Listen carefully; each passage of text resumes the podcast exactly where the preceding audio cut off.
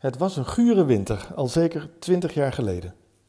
Ik fietste naar het ziekenhuis om een oude broeder te bezoeken. Ik kende hem al jaren. Hij was een stevige oud missionaris, zo een die altijd wel voor hetere vuren had gestaan. William heette hij. William leek altijd onverwoestbaar.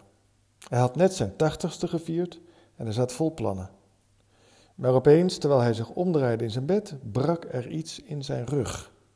Een kanker bleek te hebben gewoekerd in zijn botten.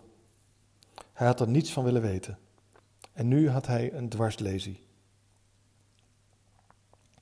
Voor zijn tachtigste verjaardag had ik hem nog een boekje bezorgd dat ik zelf had geschreven, als een cadeautje. Maar ja, nu ziet het leven er heel anders uit, dacht ik, terwijl ik verkleumd door de gangen van het ziekenhuis ging, op weg naar zijn kamer. Ik weet niet meer waar we het over hebben gehad. Niet lang daarna is hij gestorven, net zo blijmoedig als hij leefde. Maar ik weet nu nog steeds wat hij over dat cadeautje zei. Zo terloops dat het me pas weer opviel toen ik weer thuis was. Een heel mooi boekje, had hij gezegd. Toen ik het uit had, heb ik het meteen weer weggegeven. Ik was zelfs een beetje beledigd geweest, herinner ik me nu. Waarom had hij het niet gehouden? Of was het een elegante manier geweest om van mijn prul af te komen?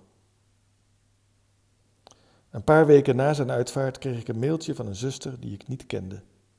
Dat ze zo'n plezier had gehad van het boekje dat ze van William had gekregen. Nog steeds denk ik soms aan broeder William als ik iets moois krijg. Vooral als het koud is en donker.